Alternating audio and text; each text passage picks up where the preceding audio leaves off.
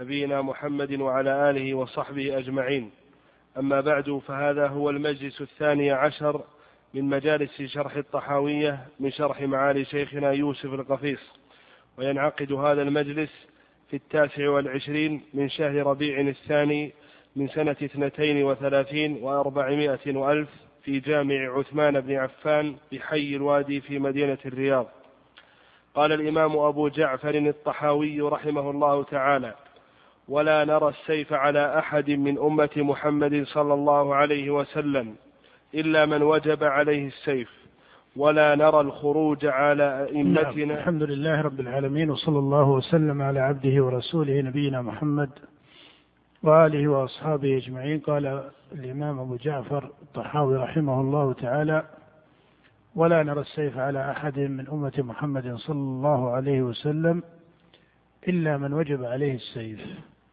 وهذا فرع عن قاعدة مستقرة محكمة وهي أن دماء المسلمين معصومة وأن الأصل في دم المسلم العصمة وأنه لا يحل دمه إلا بموجب محكم من الشريعة. الأصل في دماء المسلمين أنها معصومة. هذه قاعدة مستقرة ثابتة مجمع عليها بين أهل العلم. إجماعا محكما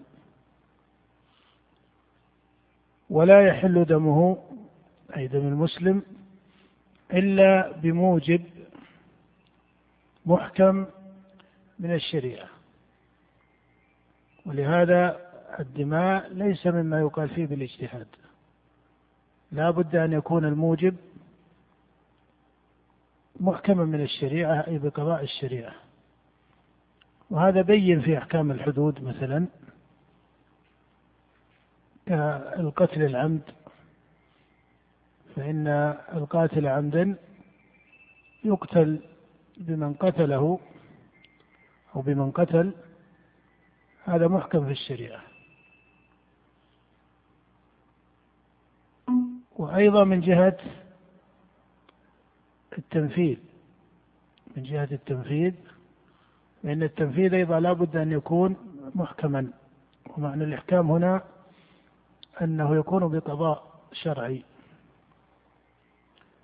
بقضاء شرعي. ولذلك لا يصير الناس إلى أن أن من قتل عمدا مثلا لا يجوز لورثته وإن كانوا أولياء الدم أو لا يجوز لأولياء الدم لا يجوز أن يختصوا بأنفسهم مع أن لهم الحق شرعا في المطالبة بقتله. وهم أولياء الدم الذين يطلبون أو يعفون. ومع أن الشريعة أعطتهم هذا الحق في المطالبة أو العفو إلا أنه لا يجوز لأحد منهم أن يبادر ويقتل بنفسه. بل هذا لا بد أن يكون بقضاء شرعي. يقوم على البينات ويقوم على القضاء وقواعد القضاء الشرعي كما قضى رسول الله صلى الله عليه وسلم وأصحابه من بعده. فهذا معنى قول المصنف رحمه الله ولا نرى السيف. فهذا من جهة الأفراد.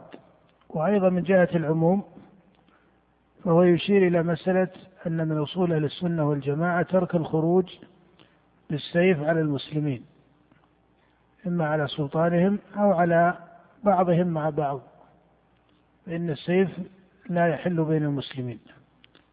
نعم. قال ولا نرى قال ولا نرى الخروج على أئمتنا وولاة أمورنا وإن جاروا. ولا نرى الخروج على أئمتنا وولاة أمورنا وإن جاروا يعني وإن ظلموا. وذلكم أنه جاء عن النبي صلى الله عليه وسلم من أوجه متعددة تحريم الخروج على أئمة المسلمين أي الإمام المسلم والسلطان المسلم وإن كان ظالما لا يجوز الخروج عليه إلا إذا أتى كفرا بواحا. تجاوز أصل الإيمان وأصل الإسلام. وأما ما يقع من ظلمه ونحو ذلك فإن هذا مما يتقى ولكنه لا يصح أن يكون موجبا للخروج. والطاعة كما تعرف مقيدة في الشريعة بالمعروف. ولكن هذا الظلم الذي يقع من ظالم لا يجوز أن يكون سببا للخروج بالسيف. لأن هذا الخروج يقع به من الفتنة والضرر على المسلمين أبلغ من الظلم الذي سبق. أبلغ من الظلم الذي سبق. ولهذا أحكمت الشريعة هذا الباب وجعلت الخروج معلقا بنقض الأصل وهو ما ذكره النبي صلى الله عليه وسلم بقوله إلا أن تروا كفرا بواحا. عندكم من الله فيه برهان. ولما ذكر النبي الكفر البواح وصفه عن الكفر هنا بأنه بواح وأنه فيه برهان دل على أنه لا يسوغ لأفراد أو لفرد أن يجتهدوا في تكييف بعض الأمور بأنها كفر ثم يجعلون هذا سببا للخروج فيخالفون السواد من أهل العلم والسواد من المسلمين إلى آخره. بل هذا لابد أن يكون كفرا بواحا. لا يكون من باب التأويل الذي قد يتقحمه بعض المبتدئ أو الناظر في العلم فيتوهم أن هذا كذا وهو على خلاف الجادة وعلى خلاف أصول الفقه الصحيح. فهذا باب على كل حال الشريعة اعتنت بإحكامه وتواتر عن أئمة السنة والجماعة لزوم الجماعة وعدم الفتنة أو عدم الخروج إلا بكفر بواح. ثم هذا الكفر يعرفه أهل العلم. هذا الكفر البواح يميزه أهل العلم الذين يعرفون البرهان الشرعي وأحكام الشريعة وأدلة الشريعة. لا يتقرب فيه ولا يتأول فيه العوام ونحو العوام. نعم.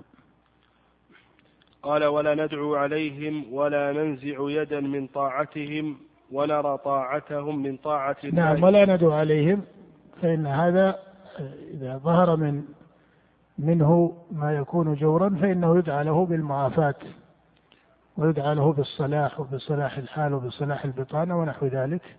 ولا ننزع يدا من طاعة أي لا تفارق الجماعة لظلم ظالم. إذا كان السلطان ظالما ما جاز لأحد من المسلمين أن يخلع يده من بيعة شرعية. جاز له أن يخلع يده من بيعة شرعية ثابتة لولي أمر قائم على الشريعة فإن هذا مما نهت الشريعة عنه وتواتر عن النبي صلى الله عليه وسلم أن ولي الأمر وهذه الأحكام كلها يقررها أهل العلم رحمه الله تقريرا متواترا.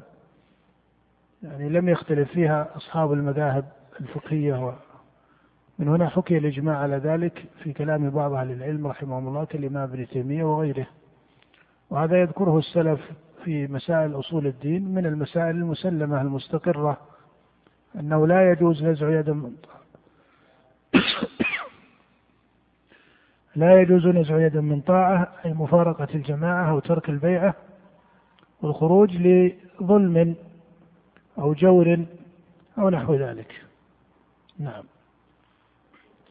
قال ونرى طاعتهم من طاعة الله عز وجل فريضة ما لم يأمروا بمعصية. نعم ونرى طاعتهم من طاعة الله. أي أن طاعة ولي الأمر واجبة على المسلمين لأن مصالح الأمة ومصالح المسلمين لا تقوم إلا بذلك.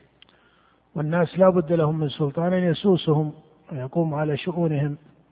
ولو تخلل حاله الظلم والنقص أو ما إلى ذلك هذا يدفع بالأمر بالمعروف والنهي عن المنكر والتعاون على البر والتقوى وما إلى ذلك. ولا يجوز أن يصل إلى درجة الخروج أو المروق من الجماعة جماعة المسلمين. وطاعتهم من طاعة الله لأن النبي صلى الله عليه وسلم ولأن الله سبحانه وتعالى أمر بذلك. قال الله تعالى يا أيها الذين آمنوا أطيعوا الله وأطيعوا الرسول وأولي الأمر منكم.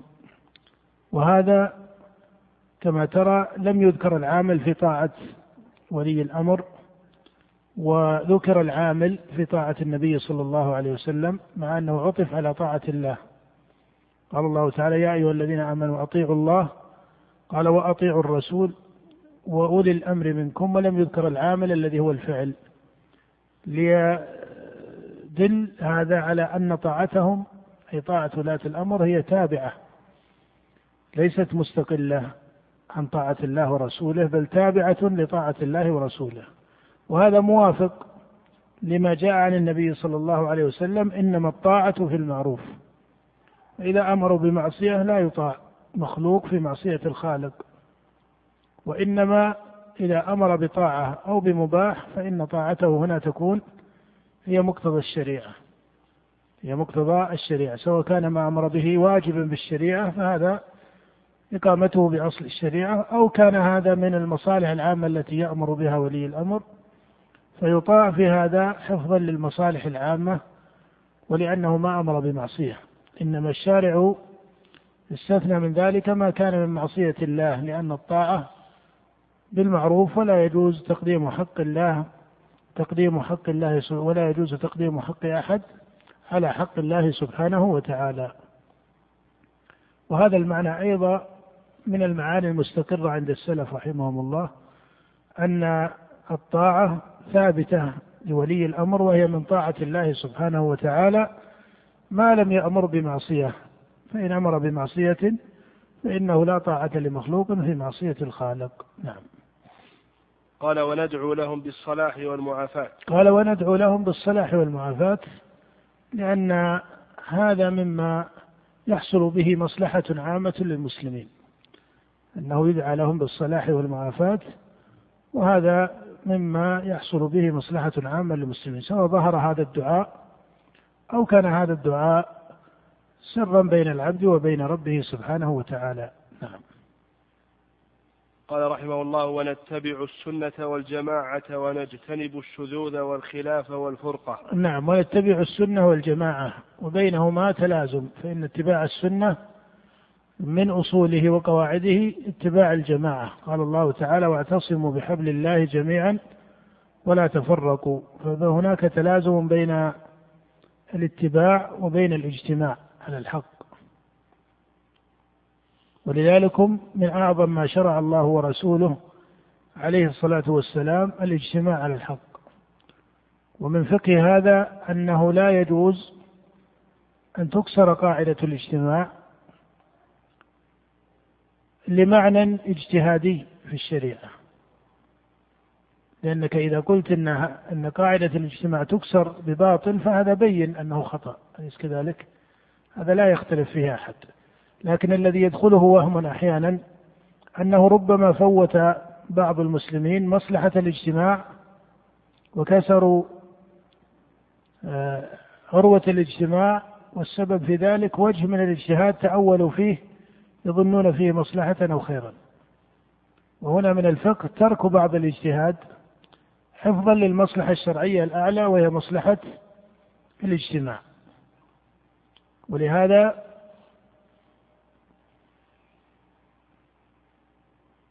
كما أن هذا الفعل الذي حصل بوجه من الاجتهاد عند بعض الناس قد يكون عملا مشروعا مثلا فيقال هذا مشروع بنوع اجتهاد قد يخالف فيه.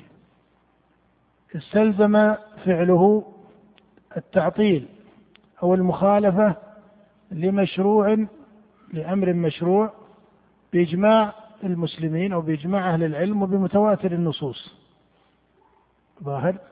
فكما أن هذا العمل مشروع من وجه من الاجتهاد فهذا من باب أولى أنه مشروع. وإذا حصل التقابل بينهما أو لم يتحصل هذا إلا بهذا كان ترك المختلف فيه أولى من ترك المجمع عليه. ولهذا كلما اجتمع المسلمون فهذا هو الأصل. واجتماعهم أصل من الأصول المتحققة المحكمة في الشريعة. والله سبحانه وتعالى نهى المسلمين كثيرا عن التفرق وأمرهم كثيرا في القرآن بأوجه متنوعة من الخطاب بالاجتماع. ولا سيما أن الاجتماع أدعى للاتباع حتى صار بين هذين الأصلين وجه من التلازم. واعتصموا بحبل الله جميعا ولا تفرقوا. وبالمقابل التفرق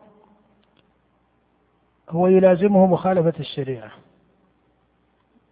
ولا تنازعوا فتفشلوا وتذهب ريحكم ولهذا من مقاصد الشريعة اجتماع المسلمين على الحق.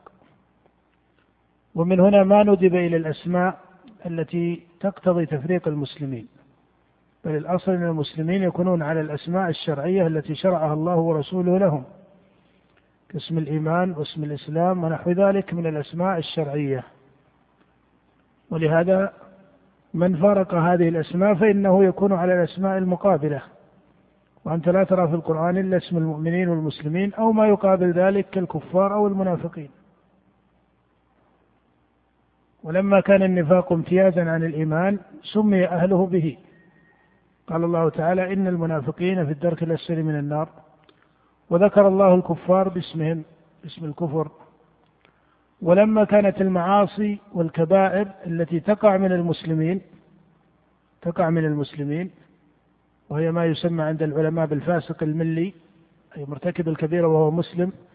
لما كانت تقع منهم ما خوطبوا في القرآن باسم الفسق كما خوطب المنافقون به أو كما وصف كما وصف المنافقون به. لأنه لا يراد شرعا أن يهجر عنهم اسم الإسلام. لا يراد شرعا أن يهجر عنهم اسم الإسلام. بل ما داموا أنهم على أصل الإسلام ولو كانوا ظالمين لأنفسهم بما أتوه من كبائر الإثم فإنه لا يجوز أن يهجر عنهم اسم الإسلام إلى اسم الفسق. وإن ساغ أن يسمى مرتكب الكبيرة فاسقا لكن ليس المقصود أنه يكون اسما له ويهجر الاسم الأصل فيه فإن الأصل فيه أنه مسلم. لكن إذا قام السبب صح أن يسمى فاسقا. لأنه أتى فسقا في الشريعة.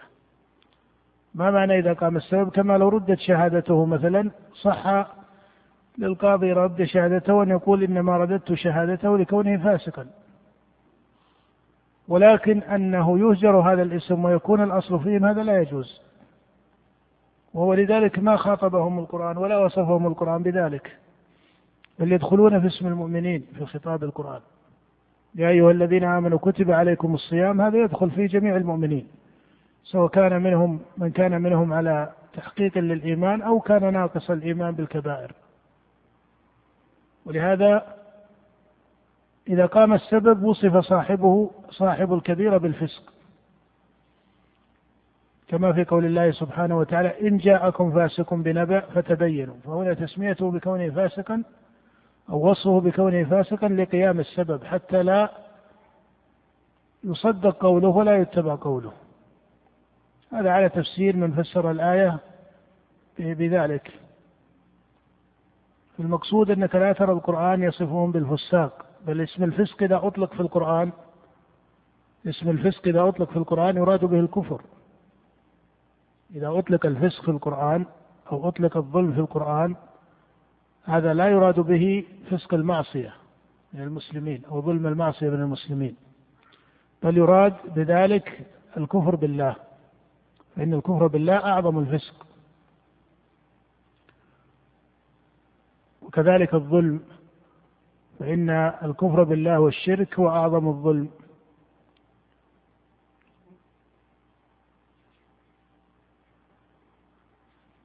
نعم. قال ونحب أهل العدل والأمانة ونبغض أهل الجور والخيانة. نعم ونحب أهل العدل والأمانة أي أن محبة المؤمن لأخيه المؤمن مشروعة.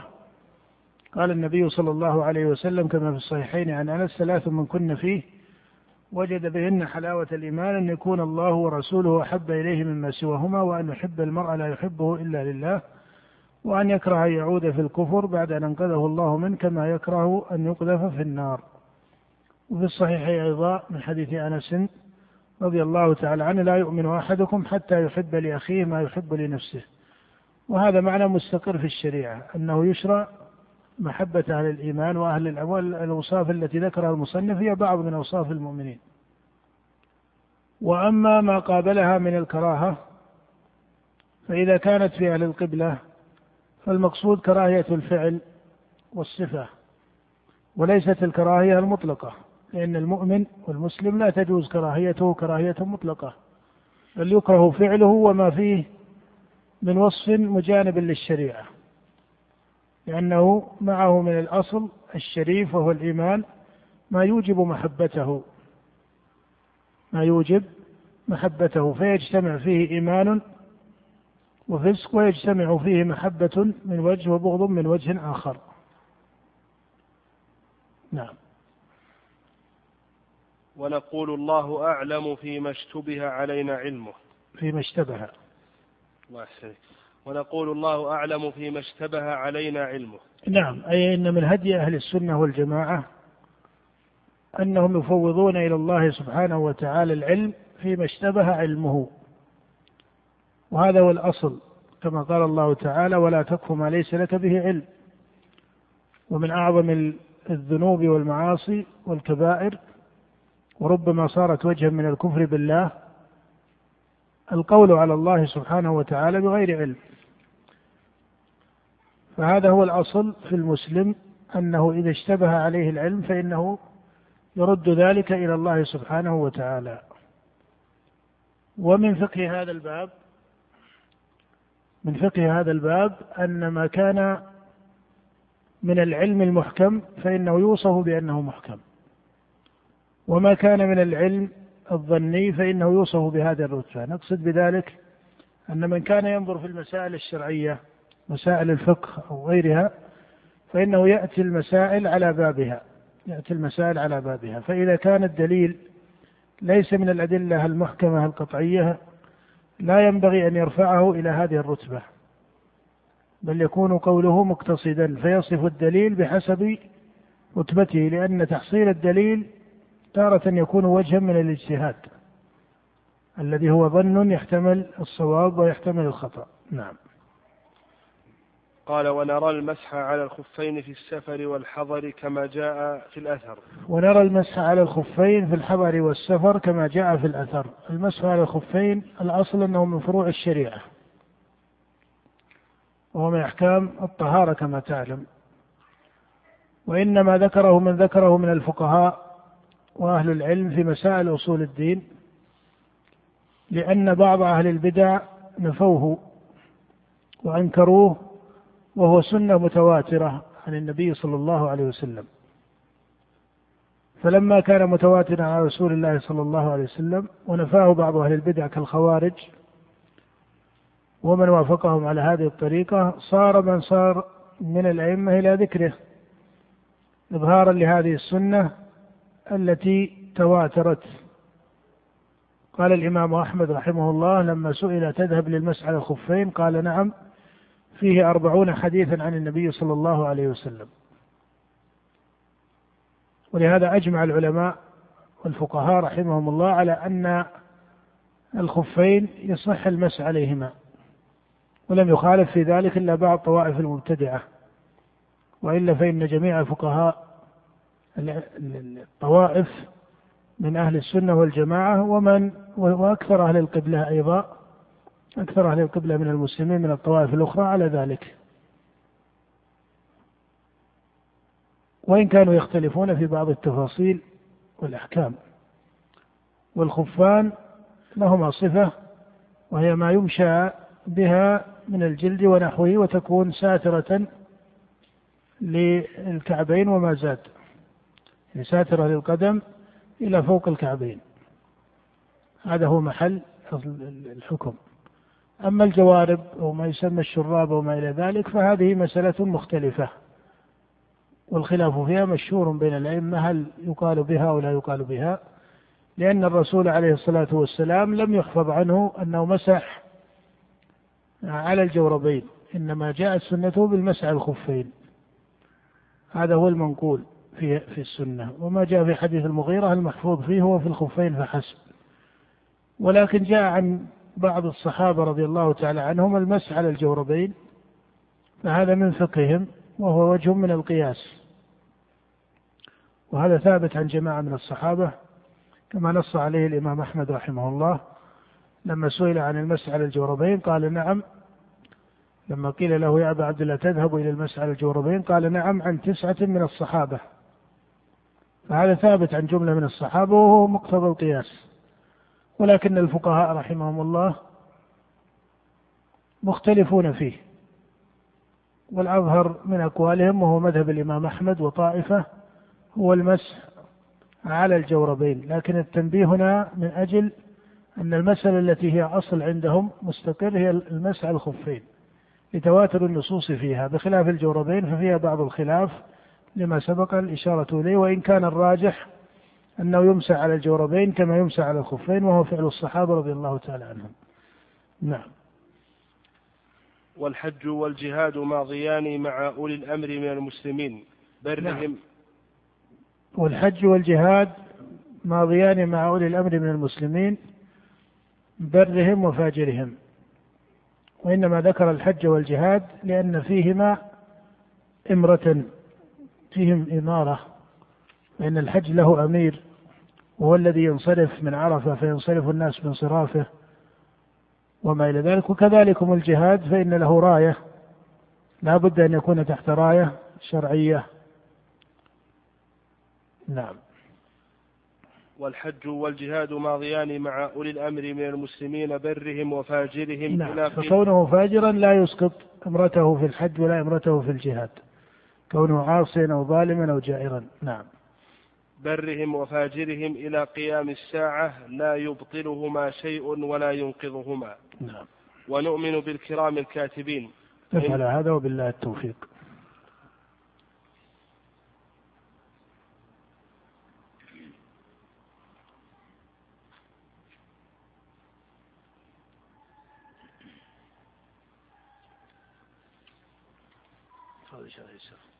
بسم الله الرحمن الرحيم. الحمد لله.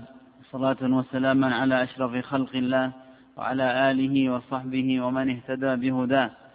أما بعد ففي هذا اليوم التاسع والعشرين من شهر ربيعين الآخر لعام اثنين وثلاثين وأربعمائة وألف من الهجرة النبوية الشريفة ينعقد هذا المجلس الثاني عشر في شرح كتاب الضروري في أصول الفقه لأبي الوليد محمد, محمد بن رشد الحفيد.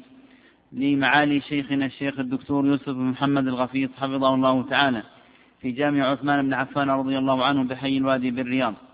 قال رحمه الله تعالى وأما النظر في ألفاظه فمنها حقيقة ومجاز ووجود ذلك فيه بين من حيث هو بلغة العرب ولسانها وبالجملة فما أظن لسانا ولا لغة تعرى من ذلك وإن كانت الألسنة تتفاوت في ذلك وأما نفي بعضهم من أن يكون في ألفاظه شيء ليس في لغة العرب وجوزه بعضهم فالوقوف على ذلك قليل الغناء فيما نحن بسبيله.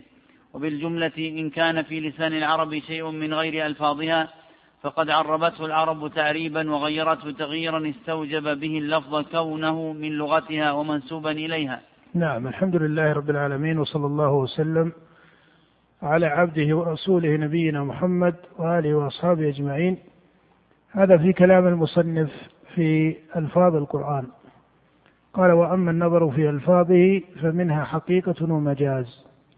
وهذا تقسيم ذكره أبو حامد الغزالي وفرع أبو الوليد ابن رشد وهو الذي لخص عن أبي حامد هذا الكلام ويذكره غيره من أهل الأصول. وأكثر علماء الأصول من النظار يذكرون هذا المعنى. وهو أن الألفاظ منها ما هو حقيقة ومنها ما هو مجاز. وهذه المسألة في أصلها ليست مسألة كما ترى مسألة أصولية مبتدعها اللغة مبتدعها اللغة. وفي المسألة بعض الخلاف المشهور فإن أكثر من المتأخرين الجمهور من المتأخرين من أهل اللغة وأهل الأصول يقررون هذه المسألة وهي أن ألفاظ وسياق القرآن منه ما هو حقيقة ومنه ما هو مجاز. ويجعلون هذا وصفا في اللغة أيضا. وقالت طائفة بنفي ذلك. وقالت طائفة بنفي ذلك. ومن ينفي هذا هم على أوجه فينفيه بعض الفقهاء من أصحاب الإمام أحمد كشيخ الإسلام ابن تيمية رحمه الله ومن اتخذ طريقته وانتصر لطريقته وله ترتيب في هذا وتعليل في هذا. وينفي ذلك بعض المتكلمين ولهم ترتيب في هذا وتعليل. وينفي ذلك أي الحقيقة والمجاز أو التقسيم لحقيقة ومجاز بعض الفلاسفة كابن سينا وله ترتيب في هذا. وبهذا يعلم أن من نفى المجاز ليس كما يقوله بعض المتأخرين أو بعض المعاصرين من الباحثين أن ابن تيمية شد برأيه في نفي المجاز. فهذا غلط. وقد سبقه إلى هذا النفي من هو من الفقهاء؟ بل ومن هو من المتكلمين؟ بل ومن هو من الفلاسفة؟ فإن ابن سينا قبله وهو فيلسوف مشهور ومع ذلك له رأي بنفي مسألة المجاز. وله تعليل وترتيب مختلف عن تعليل وترتيب شيخ الإسلام رحمه الله. فالمقصود من هذا أن نفاة المجاز متنوعون منهم الفقهاء ومنهم المتكلمون ومنهم الفلاسفة. وهذا يدلك على أنه ليس مسألة مضطردة وأن ابن تيمية شد فيها أو بالغ فيها أو ما إلى ذلك. هذه مسألة في مسألة المجاز. المسألة الثانية أن الأصل فيها أنها مسألة لغوية ولكن أئمة اللغة عند وضع قواعد اللغة لم يبتدئوا بذكر هذه المسألة وإنما حدثت بعدهم ولهذا فإنها ليست من أصل وضع أئمة اللغة. لما كانت قواعد اللغة تكتب لم يبتدئوا بذكر هذه المسألة ولم يجعلوها في أوائل ما يكتبونه وإنما حدثت بعد ذلك. وتعلم أن اللغة أئمتها مختلفون في مذاهبهم مختلفون في مذاهبهم. وكما أنه اشتغل باللغة من هو على طريقة الأئمة رحمهم الله في نظره لأصول الشريعة وأصول الدين إلا أنه اشتغل باللغة أيضا وصار من أعيان أئمة اللغة بعض أئمة المعتزلة. وهذا أمر معروف فإن أئمة المعتزلة خلق منهم هم من كبار أئمة اللغة وهم في باب اللغة أئمة كبار ولهم في هذا تصانيف ومن أجود الناس فهما في لغة العرب أو معرفة بلغة العرب. وإن كانوا لا يختصون بذلك بل يوجد في أئمة اللغة من ليس من المعتزلة وهم كثير. بل كبار أئمة اللغة الأوائل ليسوا منهم. لكن المقصود أنه اشتغل بعلم اللغة خلق من كبار أئمة المعتزلة. ولهم في هذا معرفة دقيقة. ولكنهم أيضا أسسوا بعض النظريات في اللغة كما أسسوا بعض النظريات في مسائل النظر للشريعة. ولذلك مسألة المجاز مسألة ينظر إليها باعتبارها من عوارض الألفاظ تارة وباعتبارها من عوارض المعاني تارة. فإن كانت من عوارض الألفاظ فهي اصطلاح. والعرف العلمي يقول إنه لا مشاحة بالاصطلاح وهذا متوسع فيه وأنت تعرف أن الاصطلاح ساغ في الكلام في أبواب الشريعة فضلا عن أبواب اللغة. وأما إذا نظرت إلى المسألة باعتبارها من عوارض المعاني فهذا هو معقد الخلاف وجوهر الخلاف. وهنا يتجه عدم تصحيح هذه النظرية. وأن اللغة من جهة خطابها هي وجه واحد. وتسمية وجه بأنه حقيقة ووجه بأنه مجاز. هذا عند التحقيق يعود إلى طرفين من جهة استعمال العرب. الطرف الأول ما يسمى بإيجاز الحذف عند علماء البلاغة كقول الله سبحانه وتعالى واسأل القرية التي كنا فيها والعير فهذا يقولون إنه مجاز لأنهم إنما المقصود سؤال أهل القرية. فيقال هذا يصح أن يقال إنه حقيقة لأنه لا يتبادر إلى عقل أحد من المخاطبين أن المقصود بالسؤال هنا سؤال عامل القرية أو جدران القرية أو أبنية القرية أليس كذلك؟ بل المتحقق هم أهلها ولو قدرت الخطاب واسأل أهل القرية أو قدرت الخطاب واسأل القرية لم يكن في الفهم أي درجة من التنوع والاختلاف بل هذا من باب إيجاز الحذف ليس إلا. والعرب تحذف في كلامها بل وغير العرب جميع الأمم تحذف في كلامها. وهذا من طبيعة بني آدم وتركيب عقولهم ومنطقهم الذي ميزهم الله به عن البهائم أنهم لوجود العقل عندهم ما يكون معلوما من السياق ضرورة يحذف. وإيجاز الحذف موجود في جميع لغات بني آدم. وفي لغة العرب كثير في شعر العرب وكلامهم وفي القرآن كذلك. فهذا يسمى عند علماء البلاغة بإيجاز الحذف. وقوله وسل القرية أي وسل أهل القرية. وكما يقولون في أمثلة البلاغة رأيت أسدا يخطب. المقصود رأيت رجلا كالأسد يخطب. ولكن حذف هذا وحذف حرف التشبيه للعلم به. والمضطرد في اللغة العربية وغير العربية أن المحذوف إن كان معلوما جاز حذفه. وهذا لم تخالف فيه أمة من الأمم ولا لغة من اللغات. ولهذا قال ابن مالك في ألفيته وحذف ما يعلم جائز كما تقول زيد بعد من عندكما. وفي جواب كيف زيد؟ قل دنف. قال فزيد استغني عنه إذ عرف. يعني هذا تفسيره بسيط. تقول وفي جواب كيف زيد؟ أنت تقول دنف يعني تقول مريض لأنه سألك فقال لك كيف زيد؟ فلما جاوبت وقلت مريض ضرورة من المقصود زيد مريض. أليس كذلك؟ ولهذا قال فزيد المبتدأ استغني عنه إذ عرف. فالقاعدة هي هذه الجملة وحذف ما يعلم جائز أن كل معلوم يجوز حذفه. هذا سموه مجازا مع أنه من باب إيجاز الحذف. أو يكون من باب المشترك. نقول له طرفان في اللغة إما أن يكون إيجاز حذف وإما أن يكون من باب المشترك في اللغة. والمشترك في اللغة يتعلق بالأفراد بأفراد الكلمات وإيجاز الحذف يتعلق بالجمل والتركيب. فهما وجهان قائمان في اللغة. لكنك لا تقول إن اللفظ استعمل في غير موضع له كما هو حد المجاز. المجاز في حده يقولون اللفظ المستعمل في غير موضع له بل هو استعمل في موضع له. ولهذا لو ذكرت السياق بدون حذف لسميته حقيقة. ولو قلت رأيت رجلا كالأسد يخطب قالوا هذا إيش؟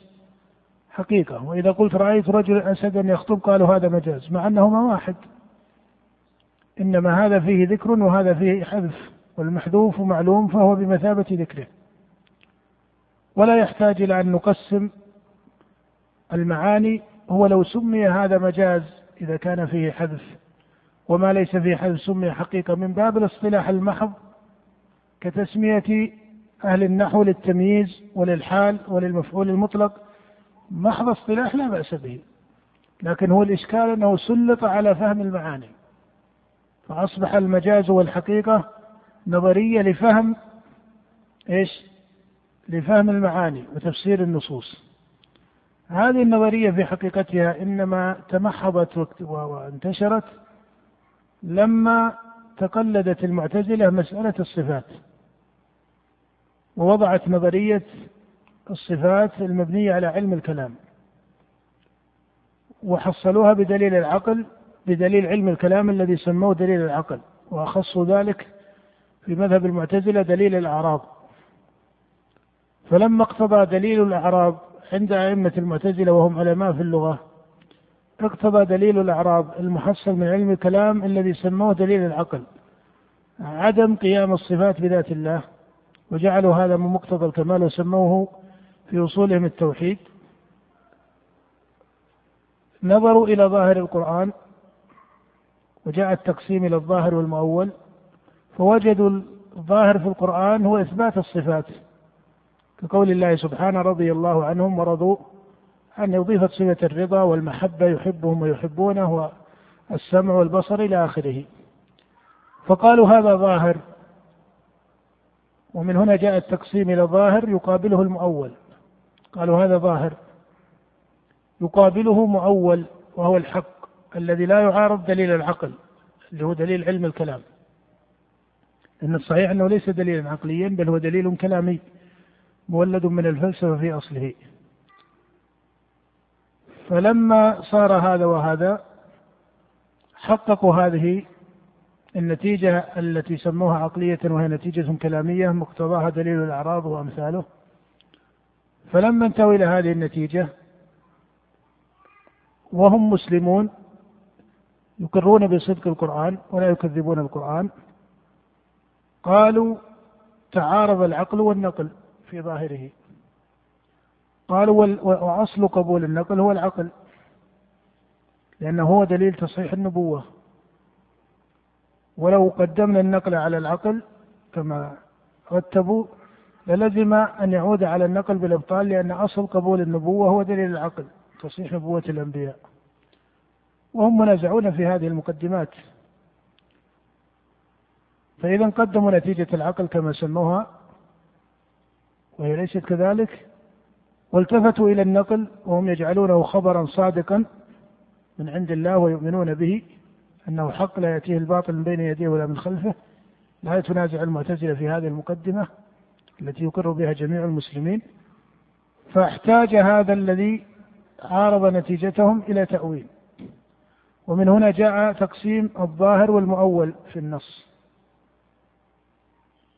فجعلوا هذا هو الظاهر يقابله المؤول. القرآن كما تعرف نزل بلغة العرب. جاءوا بنظرية المجاز وصارت هذه النظرية هي الحاكمة لمسألة الظاهر والمؤول وهي التي تصرف. فلما جاءوا إلى مثل قول الله وجاء ربك قالوا جاء أمره. وجاء ربك والملك صفا صفا جاء أمره. لأن مقتضى دليل العقل يقول عندهم أنه يمتنع المجيء. في الصفات. وهكذا مضوا على هذا الترتيب على هذا الترتيب. لهذا السبب كان موقف ابن تيمية رحمه الله شديد المنازعة في مسألة المجاز لا باعتباره اصطلاحا فإن الاصطلاح أمره واسع ولكن باعتباره مسألة تعلقت بالمعاني وبفهم القرآن إلى آخره. نعم. قال وفي ألفاظه محكم ومتشابه. إذا النتيجة أنه لا يصح أن يقال الجمهور من أهل اللغة يقرون بالمجاز بل هذه مسألة متأخرة في اكتمالها كنظرية. إنما المجاز كاصطلاح نعم سبق. المجاز كاصطلاح ذكره قديم عند علماء اللغة. أول ما ظهرت الاصطلاحات ذكروا مسألة مجاز اللغة أي ما يجوز في اللغة وهذا مذكور في كلام بعض متقدمي أئمة اللغة. لا يقصدون بذلك المجاز على حده الذي ذكرته المعتزلة وأمثالها. إنما يذكرون المجاز باعتبار المقصود ما تجوزه اللغة. ولكن كما قلنا إذا تأملت المجاز عندهم وجدت أنه يعود إلى أحد هذين. وهذا وهذا كلاهما موجود في كلام العرب وغير العرب. نعم. ولو في ألفاظه محكم ومتشابه كما قال الله كما قال عز وجل وقد اختلف الناس في المتشابه ولولا أن وفي ألفاظه محكم ومتشابه. وفي ألفاظه محكم ومتشابه وهذا صريح في القرآن.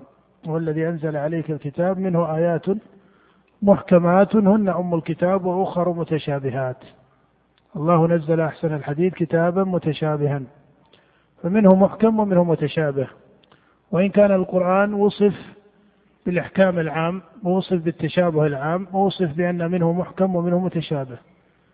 فالإحكام العام على معنى والتشابه العام على معنى ليس هو معنى التشابه الخاص وليس هو معنى الإحكام الخاص. ولهذا يصح أن يقال بأن هذا وهذا بينهما عموم وخصوص. الإحكام العام أنه لا يأتيه الباطل من بين يديه ولا من خلفه. التشابه العام مما يعبر عنه أنه لا اختلاف فيه. أنه لا اختلاف فيه. ولهذا مضى في أصول الفقه عند الفقهاء وأصحاب الأصول مضى دليل القياس ومضى دليل المصلحة المرسلة وما إلى ذلك. كل هذا لأن الشريعة لا اختلاف فيها. أما الإحكام الخاص والتشابه الخاص فهذا باعتبار فهم المخاطبين. هذا باعتبار فهم فهم المخاطبين. نعم. قال وقد اختلف الناس في المتشابه ولولا أن يظن أن الألفاظ المتشابهة هي التي يمكن حملها على معنى أكثر من واحد أو التي يوهم حملها على الظاهر تعارضا فيها أو الألفاظ اختلفوا في تفسير المحكم والمتشابه على أقوال كثيرة. لكن فيما يظهر لي أن من أجود ما يقال إن المحكم هو ما يفهم السياق فيه وحده. إذا كان السياق يفهم وحده فهو محكم. وأما إذا كان السياق لو أخذ وحده لو استوجب غلطا في الشريعة لا بد من رده إلى غيره يقال هذا متشابه. إذا كان السياق إذا أخذ وحده من القرآن اقتضى فهما صحيحا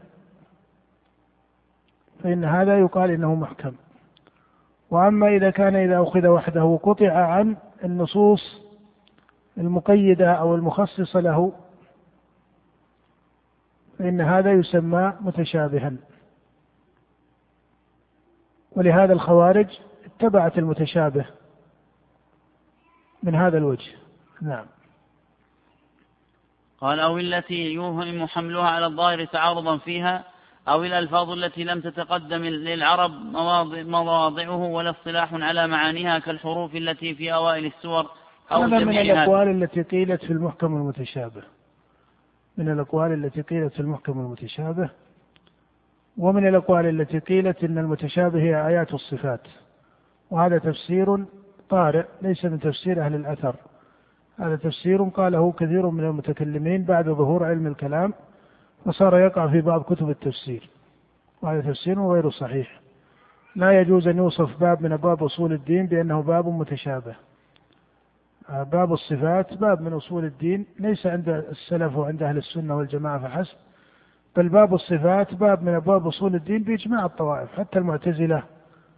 وأمثالها تقول إن باب باب الصفات باب من أصول الدين ولذلك لما جعلوا أصولهم الخمسة جعلوا باب الصفات من أعظم هذه الأصول وسموه التوحيد.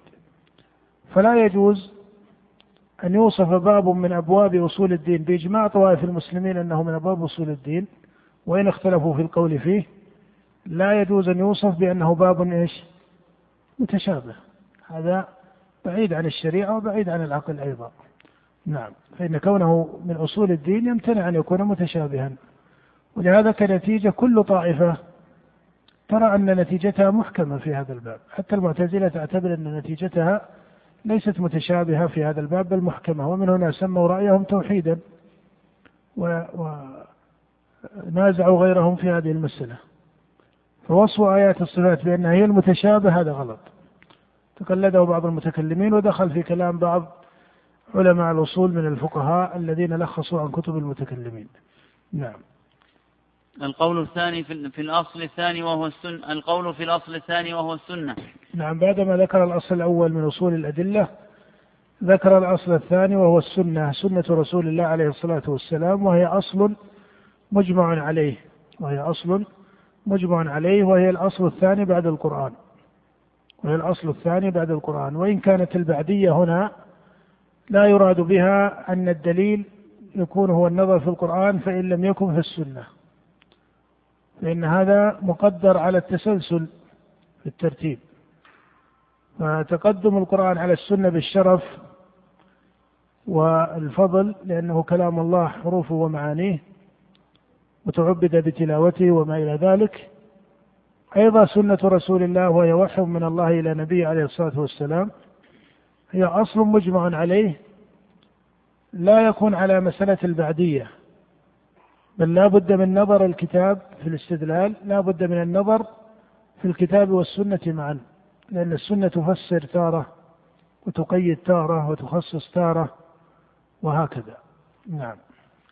وقول رسول الله وقول وأما ما جاء في حديث معاذ أن النبي سأله كيف تقضي؟ قال أقضي بكتاب الله فإن لم أجد فبسنة رسول الله فإن لم أجد أجتهد رأي فهو حديث ضعيف. فهو حديث ضعيف. ومقتضى الشريعة أن القضاء والنظر والفتوى تكون بالكتاب والسنة معا. لأن هذا يفسر هذا ويقيده ويفصله ويخصصه إلى آخره. نعم. وقول, وقول رسول الله صلى الله عليه وسلم حجة لدلالة المعجزة على صدق. نعم هذا إشارة إلى طريقة المتكلمين في إثبات النبوة. المتكلمون يقولون إن النبوة إن قول النبي حق لأنه نبي. لكونه نبيا. قالوا وإنما كان نبيا لصدق المعجزة الدالة على نبوته. فيجعلون إثبات النبوة بالمعجزات. والمعجزة هنا ثبتت بالنبوة بدليل أو أثبتت النبوة بدليل العقل. والصحيح أن المعجزة كما سميت في كلام بعض أهل العلم وبعض المتكلمين وهي ما يسمى في القرآن بآيات الأنبياء وبراهين الأنبياء هذه من الأدلة على مقصودهم بالمعجزات هي الخوارق التي تقع من الأنبياء. كما في قصة موسى لما ضرب بعصاه البحر فانفلق فهذه معجزة. هي آية من آيات الأنبياء صحيح أن النبوة تثبت بها ولكن الخطأ في طريقة المتكلمين وفي طريقة أكثر المتكلمين بعبارة أضبط. الخطأ في طريقة أكثر المتكلمين هي أنهم أو هو أنهم فرضوا أن دليل صدق النبي هو المعجزة فحسب. يعني قصرهم الإثبات للنبوة على المعجزات التي هي خوارق العادات. والصحيح أن هذه من آيات الأنبياء وأدلتهم ودلائل نبوتهم ولكن النبوة تثبت بغير ذلك.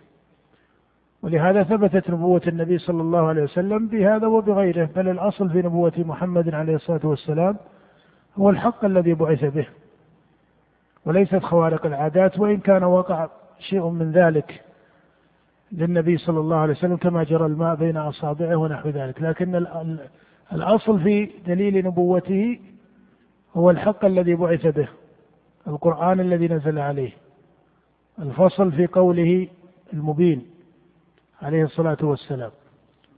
ولهذا قال النبي صلى الله عليه وسلم ما من الأنبياء من نبي كما في الصحيح عن أبي هريرة ما من الأنبياء من نبي إلا قد أوتي من الآيات ما مثله آمن عليه البشر. الآيات البراهين سواء كانت ما سموه معجزة أو غير ذلك.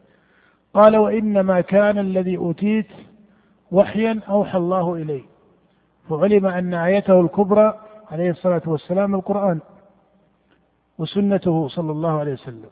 القرآن آية آية النبي العظمى القرآن وأيضا سنته لأنه أعطي جوامع الكلم.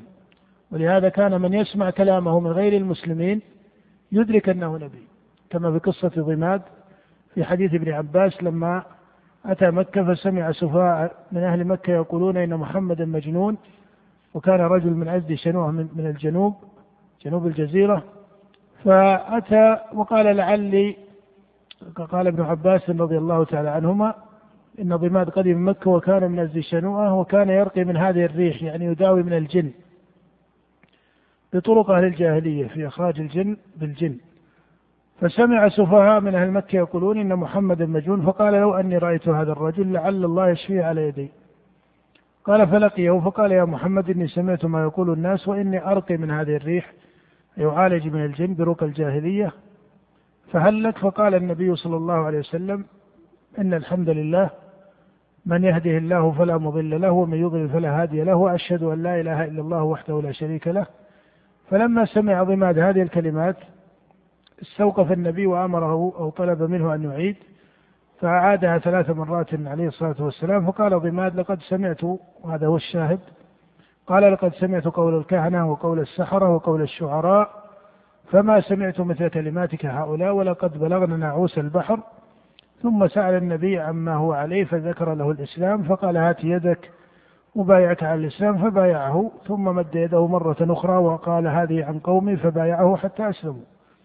الشاهد من هذا أن الآية والبرهان عنده ما كان خارقا للعادة.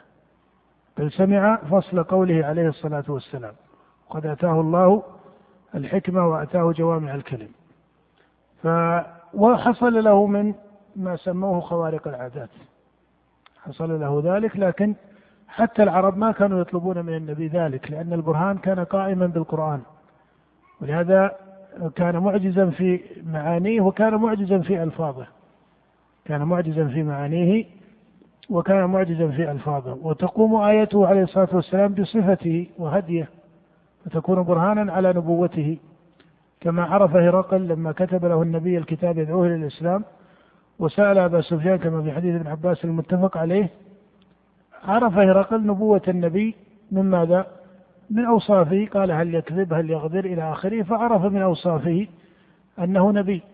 وقال وإذ يكن ما تقول فيه حقا وهو ما سأله هل أتاكم بمعجزة. جميع أسئلة هرقل لأبي سفيان ليس واحد منها فيه ذكر للخوارق. بل قال من هل كان من آبائه ملك؟ هل يغدر؟ هل يتبعه أشراف الناس ضعفاءهم يزيدون أم ينقصون؟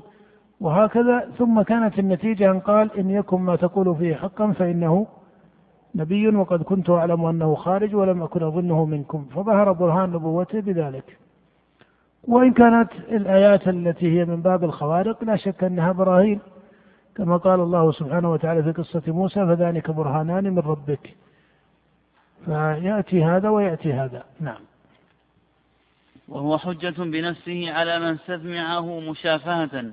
فأما نحن فلم يبلغنا قوله صلى الله عليه وسلم إلا على لسان المخبرين إما بطريق التواتر وإما بطريق الآحاد. ولذلك ينقسم القول في الأخبار إلى هذين القسمين ويعمهما بيان مراتب ألفاظ الصحابة رضي الله عنهم في نقل الأخبار عنه صلى الله عليه وسلم. نعم نقف على هذا وبالله التوفيق وصلى الله وسلم على نبينا محمد وآله وأصحابه أجمعين. عندنا إن شاء الله بعد الإجازة مسألة المتواتر ومسألة مراتب السنة. تكون هاتان المسألتان هما موضوع الدرس القادم إن شاء الله.